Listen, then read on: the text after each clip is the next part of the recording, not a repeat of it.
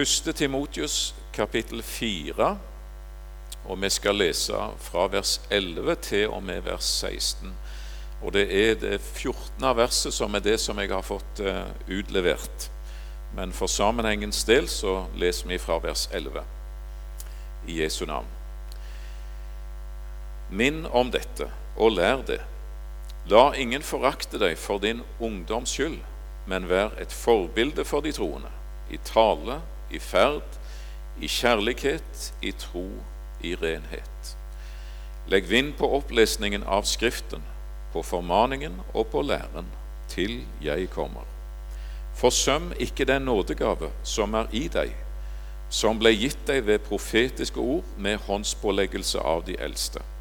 Og der er altså noe av overskriften profetiske ord. Tenk på dette, lev i dette, for at din framgang kan bli åpenbar for alle. Gi akt på deg selv og på læren. Bli ved med dette, for når du det gjør, skal du frelse både deg selv og dem som hører deg. Og overskriften, altså det er profetiske ord. Eh, hva er profetiske ord? Hva er profetisk tale? Og det er der jeg kommer etter, som jeg har tenkt iallfall, til å legge mest eh, vekt. Kanskje ikke så veldig mye på eh, ordet, men at vi skal prøve å se litt på hva Bibelen sier om profetisk tale. Eh, altså det som blir omtalt i dette verset. Herre Jesus, vi takker deg for at vi får komme sammen. Takk for at vi får høre ditt ord. Vi får lytte til din stemme. Og jeg ber Jesus at vi kan få ei nyttig stund i sammen med deg, der du sjøl får forklare ordet ditt. Eh, og der vi får oppleve at du er i ditt ord, og at det er Din hellige ånd som er profetordets ånd, som det står, som er i ditt ord. Og vi ber Jesus eh, Jeg ber om klarhet og alt det jeg trenger. Ånd for å forkynne ordet ditt, og Din hellige ånd til å forstå det og ta det til hjertet. Herre, la det bli til nytte for oss og til de ære, og at det må være ditt ord. Herre, vi ber i ditt navn.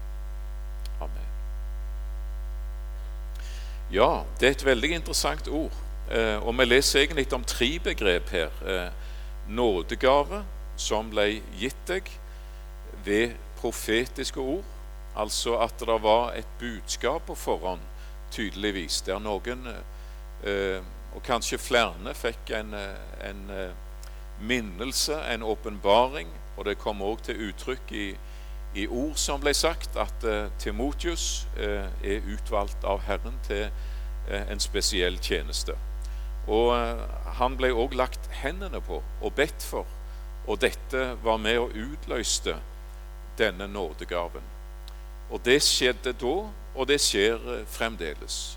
Og eh, det har Ja, det har jeg håper å si, jeg òg opplevd sånn sett for min egen del, både at det kom et budskap direkte til meg en, gjennom et annet menneske.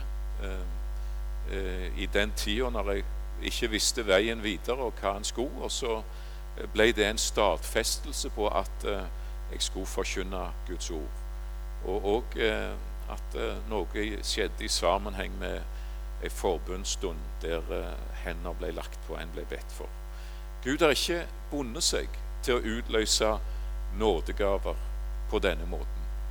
Det er ikke noe skjema i Skriften at det sånn skjer det. Men det kan skje eh, fremdeles den dag i dag. Det vet vi om.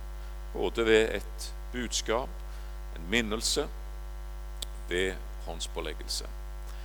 Eh, men det vi skal prøve å si noe om, etter sånn som det ble når jeg så det og forberedte dette Hva er profetisk tale?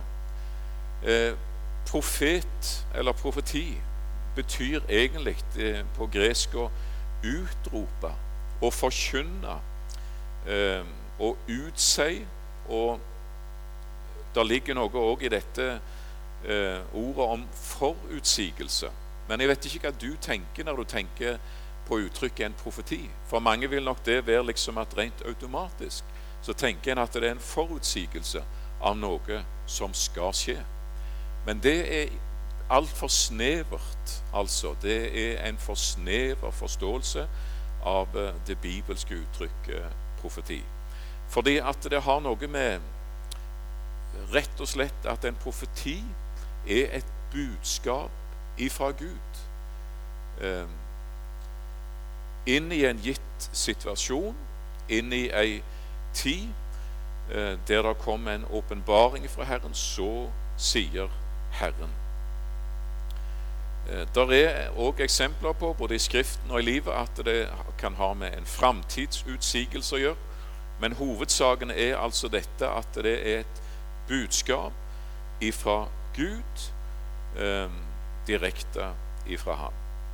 Og Det hebraiske uttrykket òg i Det gamle testamentet, nabi, profet, det betyr noe av dette med en munn, et tale, noe som forkynnes. Og Derfor så sa f.eks. Johannes om seg sjøl jeg er en røst av en som roper i ørkenen. Han sa ikke at jeg er en som roper i ørkenen, men jeg er en røst av en som roper i ørkenen. Altså, det er min stemme dere hører, sier Johannes. Men det er ikke jeg som roper. Det er en som roper gjennom meg. Vend om. Vend om. Eh, og så er det min munn han bruker. Så hvis du leser profetiene, profeten Jesaja, Jeremia osv., små og større profeter i Det gamle testamentet og i Nytestamentet, så er det rett og slett profetisk tale. Og det kunne være domssyner, det kunne være trøstesyner, det var et kall til omvendelse, det var direkte veiledning eh, inn i en gitt situasjon, der en spurte hvor går veien videre. Så åpenbarer Gud seg for profeten, og så kom han med et budskap som ikke er noe han har klekka ut sjøl, men det er et budskap ifra Gud. Eh, profeti, eller profeten, var den som så Guds syner. Det første ordet for profetene, det var seere. De hadde innsyn i noe som andre ikke hadde. Det var som om Gud åpna opp sin verden for de, og sine tanker for de, og lukka de inn i den. Og forkynte til disse mennesker, eller gjennom de. Og Derfor så står det Herrens ord kom til meg, sier profetene. Og så gikk de. Og så sa de, så sier Herren. Og så forkynte de Guds uh, åpenbaring.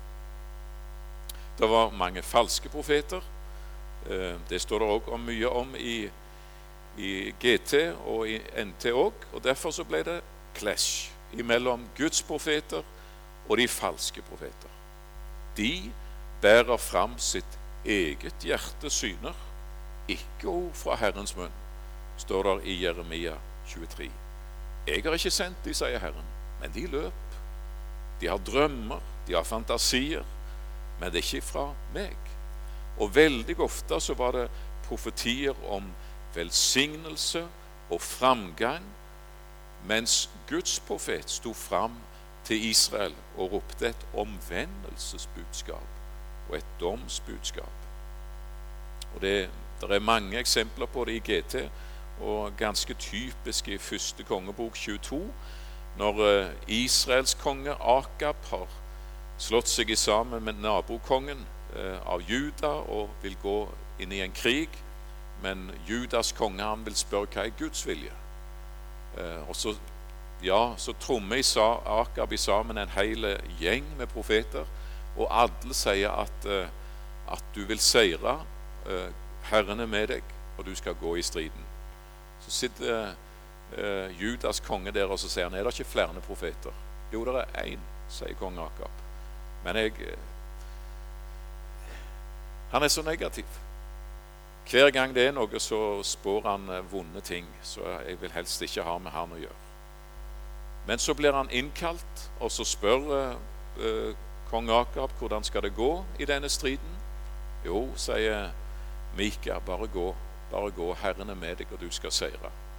Og Så forstår jo kongen med en gang at uh, dette er ironi ifra profeten. Så han sier du skal si det som Herren uh, har sagt.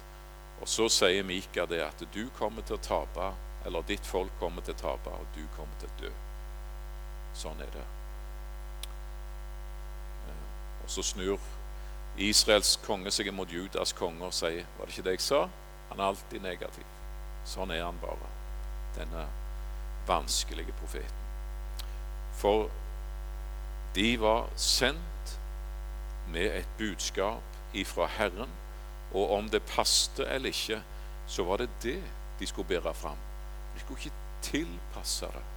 De skulle ikke tilføye eller trekke ifra, men de skulle forkynne det Gud hadde talt. Så en profet, det er en som ser Guds syner, som har innsyn i Guds hemmeligheter ved Den hellige ånd, og som roper ut eh, budskapet, forkynner det. Så sier Herren. Og det er òg profetisk tale i den nytestamentlige tid. Det å se Guds syner og ha innsyn ved Den hellige ånd og, og dele det og gi det og si det. Eh, for mange så er profeti, når de tenker på det, noe veldig luftig og svevende, mystisk noe.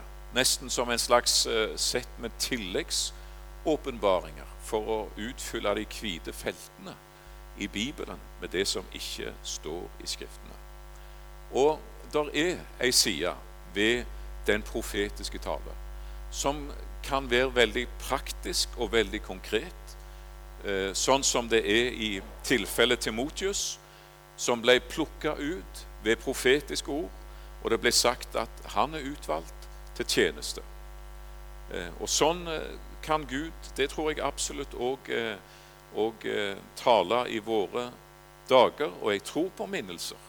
Jeg tror på Guds ledelse. Jeg tror på, eh, på Guds verk i, i så eh, måte. Men det som er veldig viktig for oss å merke, for det første, det er det at dette er, handler om eh, spesielle begivenheter. Det kommer nemlig intet nytt lærebudskap ifra Herren. Det må du merke deg. Fordi at i vår tid så ser vi det at det er mennesker som kaller seg profeter, som står fram med budskap som de sier at eh, så sier Herren. Og så kommer det et lærebudskap. Altså en ny eh, tilføyelse av Skriftens ord som eh, sies å være ifra Gud. Før vi skal lese fra Åpenbaringen 22 og vers 18 og 19. Før den siste hellige forfatter la sin penn ned, og den absolutt guddommelige, inspirerte eh, budskap ble avslutta, og Bibelen ble oppå å si, lukka igjen i den forstand, så fant Gud det nødvendig, fordi det er et enormt behov for presisering, å si blant de aller, aller siste vers på, i Bibelens siste kapittel, vers 18 og vers 19. Merk dette. Jeg vitner for enhver som hører de profetiske ord i denne bok, Dersom noen legger noe til dette, da skal Gud legge på ham de plager som det er skrevet om i denne bok. Dersom noen tar noe bort fra ordene i denne profetiske bok, da skal Gud ta bort hans del fra livets tre og fra den hellige stat som det er skrevet om i denne bok. Og så gjentar Jesus, 'Jeg, ja, jeg kommer snart', sier han. Og så kommer svaret fra Johannes. Amen. Ja, kom, Herre Jesus. Og så kommer den siste velsignelse, og så toner den bibelske åpenbaring ut med dette. Det må vi merke oss. Vi lever i ei tid der det er enormt mange retninger og strømninger. Og vi skal vite det. Den bibelske åpenbaring er avslutta. Når det gjelder lære, innhold, så det er ingenting som skal legges til, plusses på. Og heller ikke noe som skal trekkes ifra og si at dette i Det nye testamentet, det har ikke lenger gyldighet. Så når mennesker kommer med store, eh, veldige syner, kanskje åpenbaringer, og lærer eh, utsagn, og om det blir sagt i Jesu navn, om det er store tegn og under som blir gjort eh, i tillegg til dette, så er vi advart. Da kommer ingen ny læreåpenbaring. Den bibelske eh, Altså Skriften er komplett, rett og slett. Matteus 24, det skal vi merke oss. Eh, det står fra vers 3 til og med vers eh, 5 der disiplene som spør når skal dette skje, altså at eh, tempelet skal ødelegges, byen ødelegges. Hva skal være tegnet på ditt komme og på tidsalderens ende? Og så svarer Jesus helt kontant se til at ingen fører dere vil. For mange skal komme i mitt navn og si 'Jeg er Messias', og de skal føre mange vil. Og hvis du leser i vers 11 i samme kapittel, så står det mange falske profeter skal stå fram, og de skal forføre mange.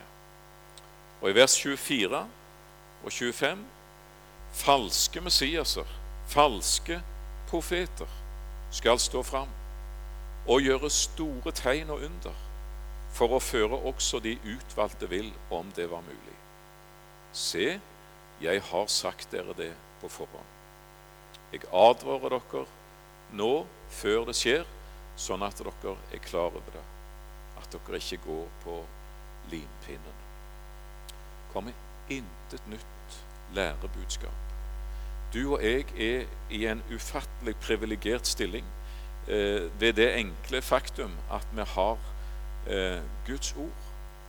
Eh, komplett, og vi har det privilegium som ikke Jesaja eller noen av profetene eller David, heller ikke Matteus eller Peter, hadde.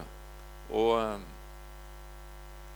som er det faktum at vi kan slå opp i, ei, i en komplett bibel, der Gud har gitt oss de syner som, eh, eh, og den lære som altså er fullendt.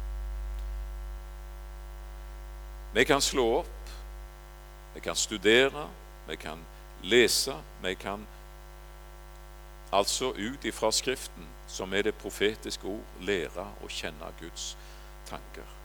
Så kan Gud komme med, med minnelser, med ledelser, konkrete ting. Det eh, står i Apostelens gjerninger 20 f.eks. om når Paulus var på vei opp imot Jerusalem, og så sier han det at i by etter by så vitner Den hellige ånd og sier at bånd og trengsler venter meg. Altså ved at det var sikkert troende mennesker som fikk budskap at eh, Paulus, den veien du går på nå, hvis du fortsetter den, så er det bånd og trengsler som venter deg. I kapittel 21 der er det en profet som heter Agabus, som kommer ned og Han har fått et spesielt syn i angå, ikke noe lære, men en konkret hendelse. Og han tar Paulus sitt belte, løser det, så binder han det rundt omkring sine hender og seg sjøl, og så sier han at sånn skal du, Paulus, bli bonden når du kommer til Jerusalem. Så han var forberedt på at det venter eh, ting fram gjennom fordi at det ble varsla ved en spesiell inspirasjon som Gud ga noen inn i en gitt situasjon. Guds ledelse. Ja, jeg tror på det. Eh, og jeg tror at noe av dette òg kan ligge i denne det ved profetiske ord som vi leste om her, at det kan være en anvendelse, eh, spesiell minnelse. Det kan skje på et møte. Det, si, det har skjedd flere ganger, enten jeg hadde forberedt å si det, eller det kom som en plutselig innskytelse når du står på talerstolen, og så er det gjerne et par setninger som ble sagt. og eh, som en overhodet ikke hadde tenkt eller planlagt. Og så, når møtet er over, så har det hendt noen ganger ikke så mange, men det har hendt noen ganger at det har sittet et menneske igjen, og gjerne aldeles oppløst fordi at det var så direkte inn i vedkommende sin situasjon. Bare eh, et par setninger. Hvor kom det ifra? Men så var det et menneske som skulle ha det akkurat der og da. Jeg tror at Den hellige ånd leder i så måte. Men hvis vi legger hovedvekten på den profetiske tale i, eh, i eh, Skriften og i den nytestamentlige definisjonen på det, så har vi det i 1. Korinterbrev kapittel 14 fra vers 1 og til og med vers 4. Og Det står både om eh, altså en definisjon her i vers 3, og så er det en og eh, en eh, i vers 24 og vers 25 etterpå en tale om hva virkningen er av profetisk tale. Det står 'jag etter kjærligheten', 'søk med iver og få de åndelige gaver', særlig å tale profetisk. Den som taler med tunger, taler ikke for mennesker, men for Gud. Ingen kan forstå han. Den som taler profetisk, taler for mennesker, til oppbyggelse, formaning og trøst. Merk det. Den som taler profetisk, taler for mennesker forståelig, til oppbyggelse, formaning og trøst. Den som taler med tunger, oppbygger seg selv, men den som taler profetisk, oppbygger menigheten. I Korint så regna de seg som eksperter på nådegaver, og det var ei spesiell nådegave som liksom var krona til nummer én, og som var særlig ettertrakta, og som det kan se ut som det var et ganske sterkt press på at alle skulle ha tak i. Hvis ikke så var det på B-laget i, eh, i, i, beste fall. Men skulle du opp på A-laget, så var det å tale i tunger. Og det var to, totale kaos. Det totale anarki eh, og uorden oppi dette. Fordi at eh, de talte i tunger i eh, i munnen på hverandre. Paulus han eh, underviser de og sier at dere, er, dere tror dere er kommet lenger enn andre, men dere er kjødelige kristne. Dere er småbarn i Kristus. Det er uorden og kaos, og dere tillater synd aldeles åpenbart.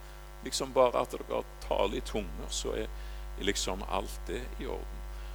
Og så underviser han dem om balanse, om eh, eh hva som er det aller viktigste agape. Å jage etter kjærligheten som er større enn alle åndsgavene, åndens frukt. Og når dere søker med iver å få de åndelige gaver, så be særlig om én ting om å tale profetisk. Fordi at det er en forkynnelsesgave som er adressert til mennesker, og som virker oppbyggelse og formaning og trøst. Og hva skjer, skriver han i vers 23, om, om det kom et u, en uomvendt inn, eller et ulært, ukyndig menneske, en utenfor, og så er det vilt tungetalekaos iblant dere. Og så kommer en inn rett utenfra. Han vil si de er crazy. De har aldeles klikka for disse menneskene. De er sprø. Det er sånn det virker hvis dere driver sånn dere holder på. Men, skriver han i vers 24, dersom alle taler profetisk, og det så kommer inn en vantro eller ukyndig, hvordan virker da profetisk tale? Da blir han avslørt av alle og dømt av alle. Og det som er skjult i hans hjerte, blir åpenbart. Så vil han falle på sitt ansikt og tilbe Gud og bekjenne Gud er sannelig iblant dere. Så profetisk tale, det er noe dobbelt. Det er noe som dømmer og avslører synd. Det er en forkynnelse av, eh, av håper jeg, synd og nåde, lov og evangelium, som treffer mennesker. Eh, det er å se håper jeg, inn i Guds ord, inn i Guds hjerte, inn i eh, Guds syner, og så å forkynne det i, i kraft. Rett og slett ved åndskraft og ved åpenbaring. Og det kan, når det står her at det kommer inn en vantro, og så blir han avslørt og dømt av alle, og det som eh, ingen egentlig kunne vite om, men som bare er skjult i hans hjerte, tanker og ting som andre ikke vet om, det blir liksom åpenbart, og han forstår her er Gud. Her er det ikke bare mennesker, men her er det en kraft eh, som jeg ikke forstår. Men jeg, jeg har møtt Jeg møter Gud, og jeg er avslørt i mine synder. Profetisk tale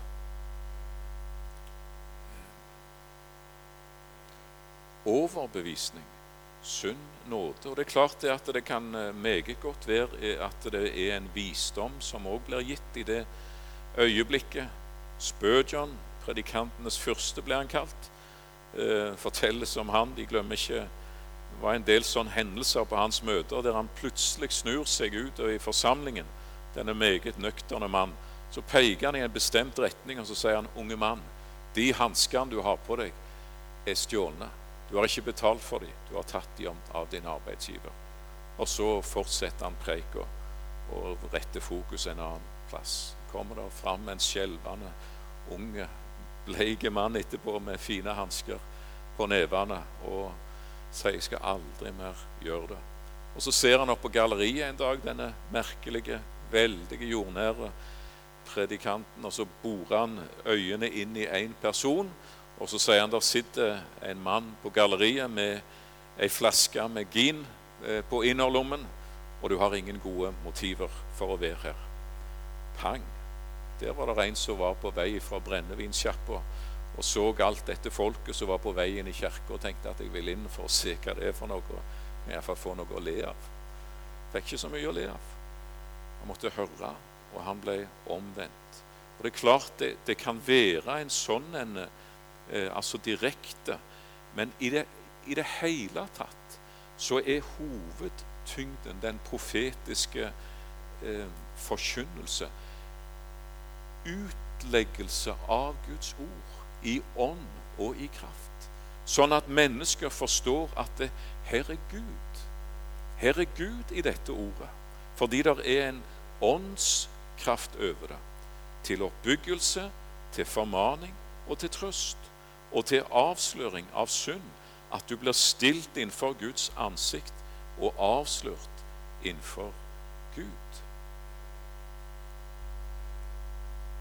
Eh, profetisk tale, inspirert, åndsfullt forkynnelse av ordet. Fordi at eh, det vi skal være klar over, det er det at eh, Bibelen er er profetisk. 2. Peter 1 og vers 19, der eh, skriver Peter det. Etter at han refererer til en stor opplevelse han hadde på fjelltoppen. Men når han skriver her, så sier han desto fastere har vi det profetiske ord, som dere gjør vel i å akte på. Det er som en lampe som lyser på et mørkt sted, inntil dagen lyser fram og morgenstjernen går opp i deres hjerter. Dette, denne bok, er profetisk. Det er profetisk tale gitt oss av Gud innenfor to permer. Inspirert av Gud, Den hellige ånd, i dette ord. Eh, han har innblåst sin ånde, står der i 2. Timotius 3 i dette ordet. Og det er ganske merkelig, for det er akkurat det samme som står når han skapte Adam, mennesket. Da står det at han bøyde seg over mennesket. Og han, eller det står at han blåste livets ånde inn i eh, menneskets nese, og Adam ble til en levende sjel. Når Gud blåste livets ånde inn i den kroppen som Gud hadde skapt, da fikk Adam farge i kinna og øynene åpna seg, Og han reiste seg opp, og han levde. Og han var liv. Og det er akkurat det samme uttrykk som brukes, altså at Gud har innblåst sin ånde i dette ord. Han har pusta sitt liv, som Bibelen puster. Den lever. Det er levende ord. Profetiske, guddommelige ord. Og når du lytter til Guds ord, da hører du Guds hjerteslag. Du hører Hans ord. Ordet er profetisk. Og Derfor så er et Guds barn noe aldeles ufattelig noe. Du har eh, innsyn i det profetiske ord. Og du vet mer enn lærde filosofer og vitenskapsmenn som driver på å utforske jeg håper å si at det er både mikrokosmos eller makrokosmos, eh, med lysmikroskop eller med stjernekikkerter og observatorier, og som prøver å finne framtid og røtter bak gjennom til fortid osv. Der er et Guds barn og har mye større åpenbaring, for du kjenner hele sammenhengen. Du kjenner den Gud som skapte ifra begynnelsen, som satte alt i verk. Og du kjenner hans hjerte, den store fortellingen om frelse og gjenløsning, Jesus som er kommet, profetiene som gikk i oppfyllelse med Jesus. Og du kjenner ennå til framtida, der vitenskapen prøver å stå på tå og se inn i det. Det kjenner et Guds barn. Og du kjenner Guds tale, fordi at denne bok er profetiske ord. Og Derfor så står det i, i Åpenbaringen 1 og vers 3 Salig er den som leser, og de som hører det profetiske ord, og tar vare på det som står skrevet, for tiden er nær. Og Derfor så fikk vi òg den understrekningen i kapittel 22 og vers 18 og 19. Der eh, I begge versene blir det snakket om de profetiske ord i denne bok. Eh, og så advares det mot å ta vekk noe, legge noe til ordene i denne profetiske bok. Så hva er profetisk tale i bestemt form, inspirert av Gud? Det er denne bok. Her har du det gitt deg av Gud. Derfor skal et Guds barn Og derfor så var det òg eh, eh, ble presisert overfor Timotius i sammenhengene i teksten vi leste, at eh, legg vind på opplesningen av Skriften, på formaningen og på lære. Gi akt på deg selv og på læren. Bli ved med dette. Bli grunnfesta, Timotius, i ordet.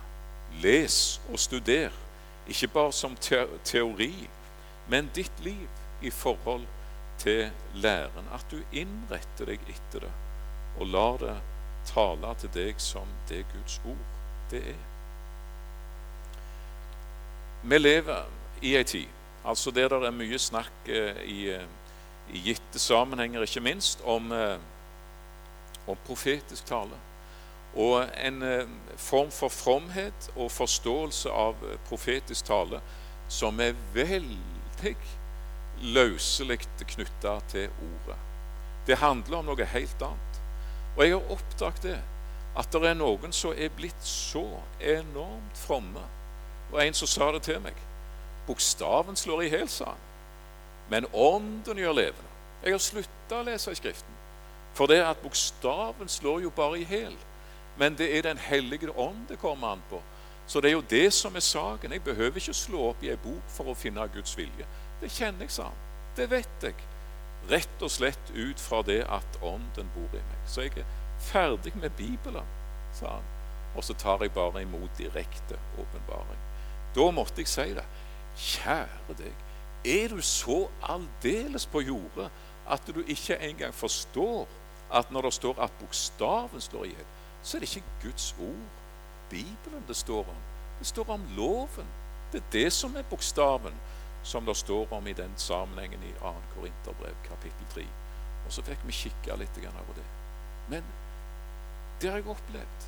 Det er liksom en sånn ny fromhet som, eh, som er veldig eh, å si, Der det er en ytterliggående form for karismatikk som er veldig beslekta med den liberale teologi. For begge setter de Guds ord til syne eh, ved det at en vil heller liksom ta imot spesielle åpenbaringer. Derfor så var det en eh, leder i en slik en karismatisk sammenheng, når han ble bedt om å si noe om homofili, uttale seg i den sammenheng, så sa han ja, hvis Gud har sagt til de homofile at det er greit med homofili, så kan ikke jeg si noe på det, sa han. Gud har ikke sagt det til meg, men hvis han har sagt det til de, så er det greit nok. Altså underforstått. Uh, Gud har ett budskap i Bibelen der han har sagt at uh, det er faktisk synd å leve ut eh, homofili. Ikke sant? Der er Skriften entydig. Kan ønske det ikke sto der, men det står. Og så eh, sier altså denne her da imellom eh, altså at Gud har ett budskap der, men så har han jo gitt andre budskap. liksom. Og Hvis han sier det til de direkte gjennom syner og åpenbaringer at det er greit, så, så, er det vel greit. da. Altså Guds ord er relativt. Da er en på fullstendig ville veier. Og i, i eh, en del i USA de har hatt en stor undersøkelse når det gjelder skilsmisse og den slags. Og de har funnet ut at i USA så er det ei gruppe mennesker der som har den høyeste skilsmisseprosenten. Mer enn ateister og andre. Og Jeg er ikke ute for å slå etter noen, for jeg vet at livet er ikke så lett. Og jeg vet at et ekteskap er ikke alltid så lett. Og jeg er klar over det at det er gitte tider der en må gå og på seg for å beskytte barn og andre og liv og helse. Det er syke mennesker. Det er nå sånn det er. Men her snakker vi om et større bilde. Altså en enkel gruppe der det er høyere skilsmisseprosent enn blant ateister og gudsfornektere og andre. Og hvem er det? Det er iblant frie, karismatiske menigheter i USA. De har den høyeste skilsmissestatistikken. Hvorfor? Jo, det ble skrevet noe om det. At, eh, eller det var en kristen da som skrev om dette, sjøl karismatiker, advarte imot det. Men jeg sier at det er en fromhet som er sånn at de blir så En søker Guds vilje og Guds ledelse utenom Skriften. Og de sier det at nei, Gud har vist meg at jeg skal gå ut av ekteskapet. Jeg er ikke så glad i kona, i mannen lenger. Nå har, Gud ledet meg og gitt meg å møte et fantastisk menneske.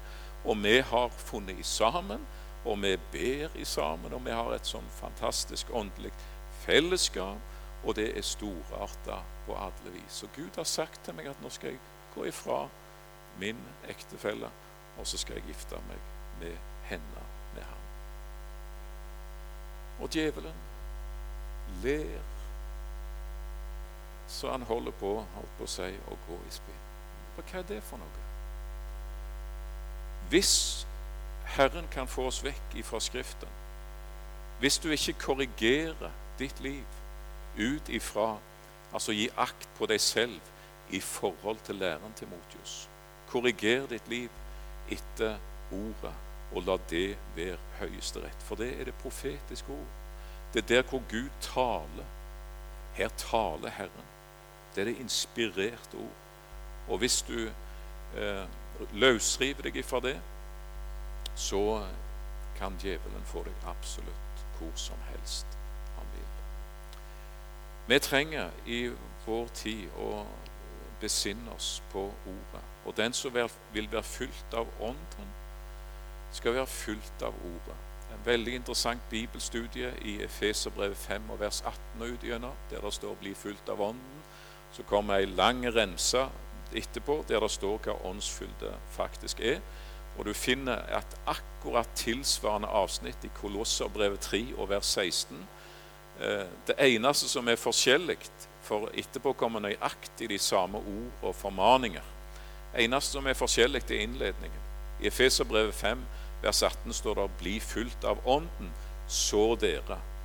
Kolosserbrevet 3 og vers 16 så står det 'la Kristi ord bo rikelig blant dere, så dere. Og så er teksten helt parallell nedigjennom uh, i det som blir sagt. Fyller hverandre helt uh, i, i, punkt for punkt. Eneste som er forskjellig, det er innledningen. Bli fylt av Ånden.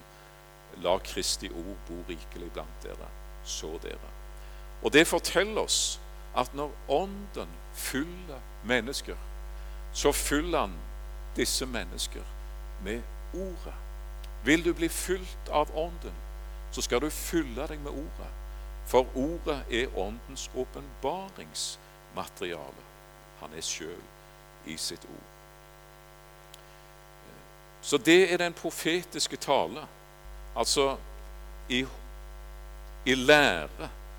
Du kan åpne din bibel, og du eh, hører de profetiske ord til ransakelse, til avslørelse av synd i ditt liv, som vi leste om i 1. Korinterbrev 14, og til trøst og til oppbyggelse og til formaning.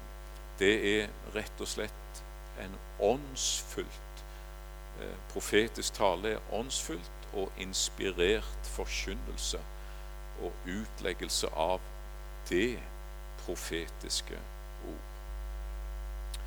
Eh, ja, det er, eh, som jeg sa, det er sånn at det er mange i dag som på en måte løsriver seg fra ord i så måte. De skal tale profetisk, så det er akkurat som de går liksom med ei antenne oppe og prøver å motta og peile inn et sånn budskap. Ikke knytta til Skriften, men det er liksom et eller annet drømmer, syner, hviskninger eh, som en liksom vil prøve å innstille seg på og tar inn direkte. Eh, og jeg tror at det er en veldig farlig eh, måte, rett og slett. Fordi at eh, Vil du òg gjøre deg rede for Den hellige ånds ledelse i praktiske og konkrete ting, og ha visdom til å bli brukt av Herren til en sånn gitt sak, f.eks. som det at Timotius skulle bli en Herrens tjener. Nå skal du ikke gå og se alle andre plasser og gå liksom med ei antenne ute og, og føle eller å famle deg fram på noe vis. Da skal du fylle deg med Ordet. Ikke sant? Da når du fram til manns modenhet i Kristus, og det står om. Og da har du det materialet som Den hellige ånd eh, anvender. Der er Ja, altså Der er en eh, det er en fare hvis vi skal nå eh, gå imot avslutning og gjerne ha noen eh, eh, Det var en forsamling her forleden så i veldig karismatisk sammenheng, så det, var, det ble et kjempeskille i forsamlingen. Det ble to fløyer, harde ord, som står imot hverandre. Og så er det et menighetsmøte der en prøver å finne ut av dette. Da er det en mann som reiser seg fra den ene sida, taler i tunger, og han eh, tyder det sjøl. Og det er et profetisk budskap. Så sier Herren, sier han, enn enn er mitt utvalgte redskap. Eh, og så videre. Og så setter denne mannen seg. Da spretter det opp en mann på andre sida og taler i tunger og tyder det sjøl og sier 'Så sier Herren'. Det har jeg aldri sagt, sier Herren. Så det ble ord imot ord, og begge tok Gud til sitt vitne. Og én ting er iallfall helt sikkert én av de to hadde ikke fått budskapet fra Herren. Og skal jeg si hva jeg tror, så tror jeg ingen av dem hadde det. Men problemet oppi det der, det er at samvittigheter Ja, problemet er òg mangelen på respekt både for Guds ord som det fullkomne profetiske ord, og respekten for mennesker. For når en gjør det på en sånn en måte, så binder en menneskers samvittighet. Du sier at hvis du nå ikke er enig med meg, så er du på kollisjonskurs med Gud.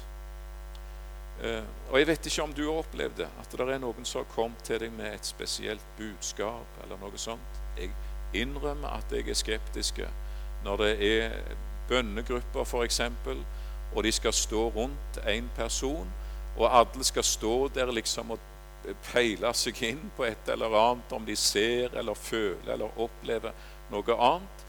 kanskje åndelig umodne, kanskje lite grunnfesta, lite opptatt av Skriften, men de skal stå der og prøve å peile, og, og så plutselig så kommer det et bilde av noe et eller annet. Det er mange slags bilder som kan komme.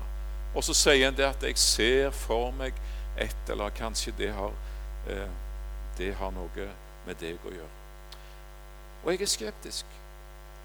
Fordi at jeg har møtt noen av de mennesker som ble så såra og så skadd ved dette.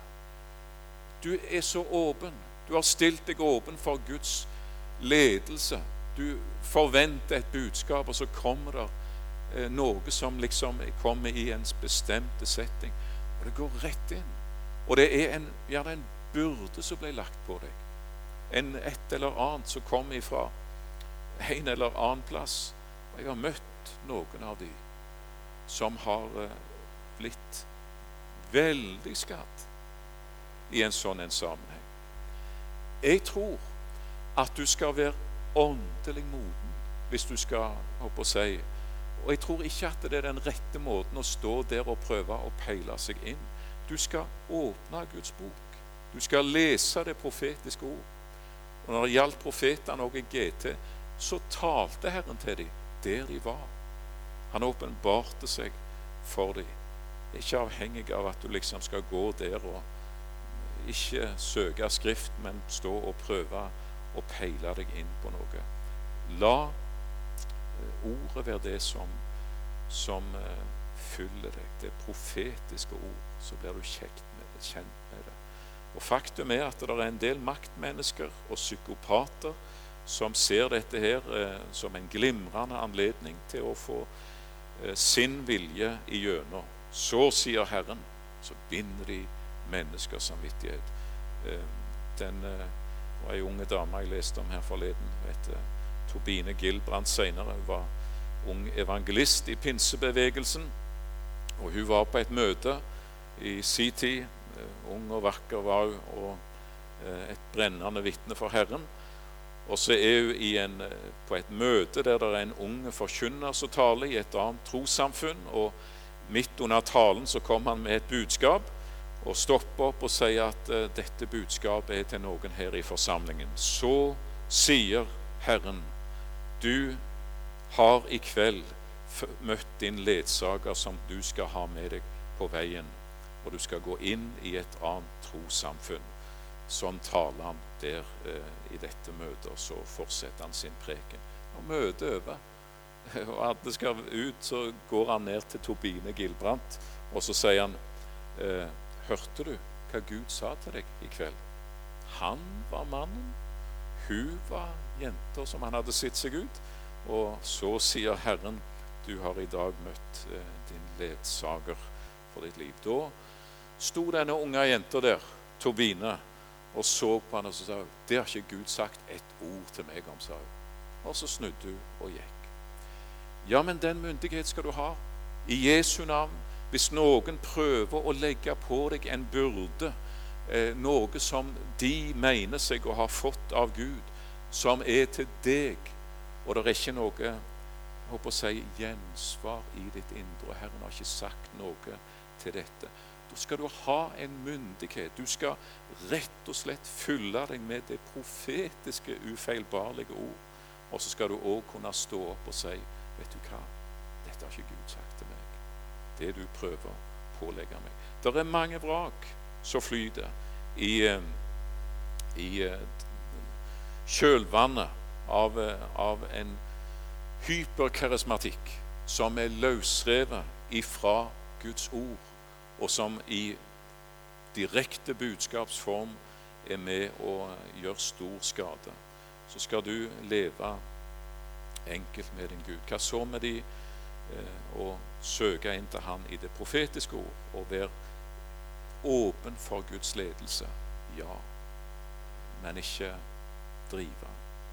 Nå eh, ble det sånn her i kveld, og jeg har allerede prediket for lenge. Hva så med spesielle syner som blir gitt? Denne Emanuel Minos, Valdres-synet, som du eh, sikkert har hørt om, gitt i 1968 av ei eldre dame til han og sagt at 'dette har jeg mottatt av Herren, og det, får, det må du kunngjøre'. Og han leste på det eh, før han gikk opp på talerstolen på det møtet og tenkte 'dette er aldeles uaktuelt'.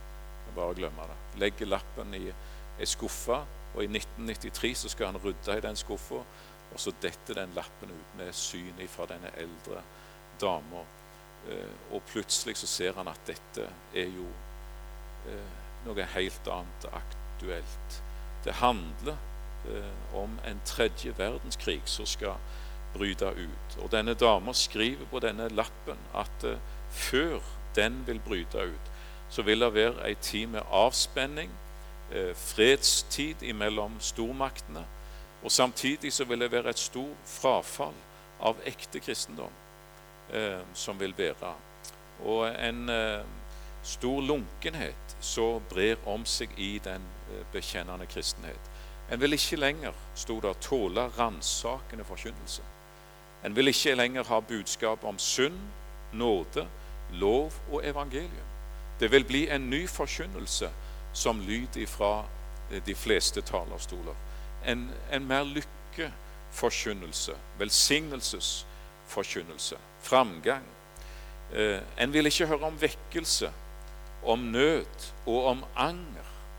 Men det vil være mer opptatt av kultur. Og det vil bli en stor moraloppløsning i det norske folk. Folk eh, lever i sammen som gifte uten å være gifte, før ordet samboerskap ble, eh, ble oppfunnet, holdt jeg på å si. Det vil være stor urenhet skriver denne kvinnen. Veldig mye utroskap iblant folket. Eh, og eh, veldig mye skilsmisse som griper om seg òg iblant kristne. Altså underforstått uten gyldig grunn. Og sjøl perverse synder vil bli akseptert både i samfunnet, skriver og langt inn i kristenheten. Og TV vil få en mye større betydning, skriver denne dama i 1968. For det vil bli mange TV-stasjoner, og det vil bli veldig mye vold og voldsfilmer på disse TV-skjermene som vil skade folket. Det vil være til underholdning. Og sjøl intime samlivsscener, skriver denne dama i 1968, vil bli vist eh, på TV-skjermene. Da protesterte Emanuel Minos. Det kommer ikke til å skje, sa han. Det kommer ikke til å skje. Vi har jo regler for det. Men uh, ei annen tid. Og det vil være mye Hun brukte ikke uttrykket innvandring, men Norge vil få mange flyktninger fra andre nasjoner. Før innvandringa hadde begynt, med annen hudfarge, og etter hvert som vil stemningen snu seg imot dem, og mange vil være harde imot dem. Da er målet for eh, syndene fullt. Da vil den tredje verdenskrig bryte ut eh, etter en bagatell imellom nasjoner som ingen anså å være farlige, så vil det bre seg, og det vil bli atomkrig som vil ramme der og der spesielt, og store deler av kloden vil bli ubeboelig. Det leser Emanuel Minos når han folder opp denne lappen fra 1968 og leser det i 1993. Hva skal vi si til en sånn en åpenbaring? rett og slett det som det står om i 5. Mosebok 18 og vers 21-22. Du skal prøve det på om det går i oppfyllelse. Når det skjer. Om det er en profeti. Det er ikke lære, men det er et budskap som vi skal lytte til. Eh, som vi skal eh, ta til etterretning i så måte. Ikke sette det på linje med Guds ord, men vi tar det med oss. Profetisk tale absolutt inspirert. Det er Guds ord, Skriften. Herre Jesus, gi oss å leve rett med deg. Gi oss å fylle oss med ditt ord, og ta det til vårt hjerte. Vi, vi er helt avhengige av Din Hellige Ånd til å forstå, til å se dine syner, til å utlegge det riktig og med den ånd og kraft som du ville. Så må du bruke oss i vår hverdag, at vi kunne få tjene og ære deg. Gå dine ære.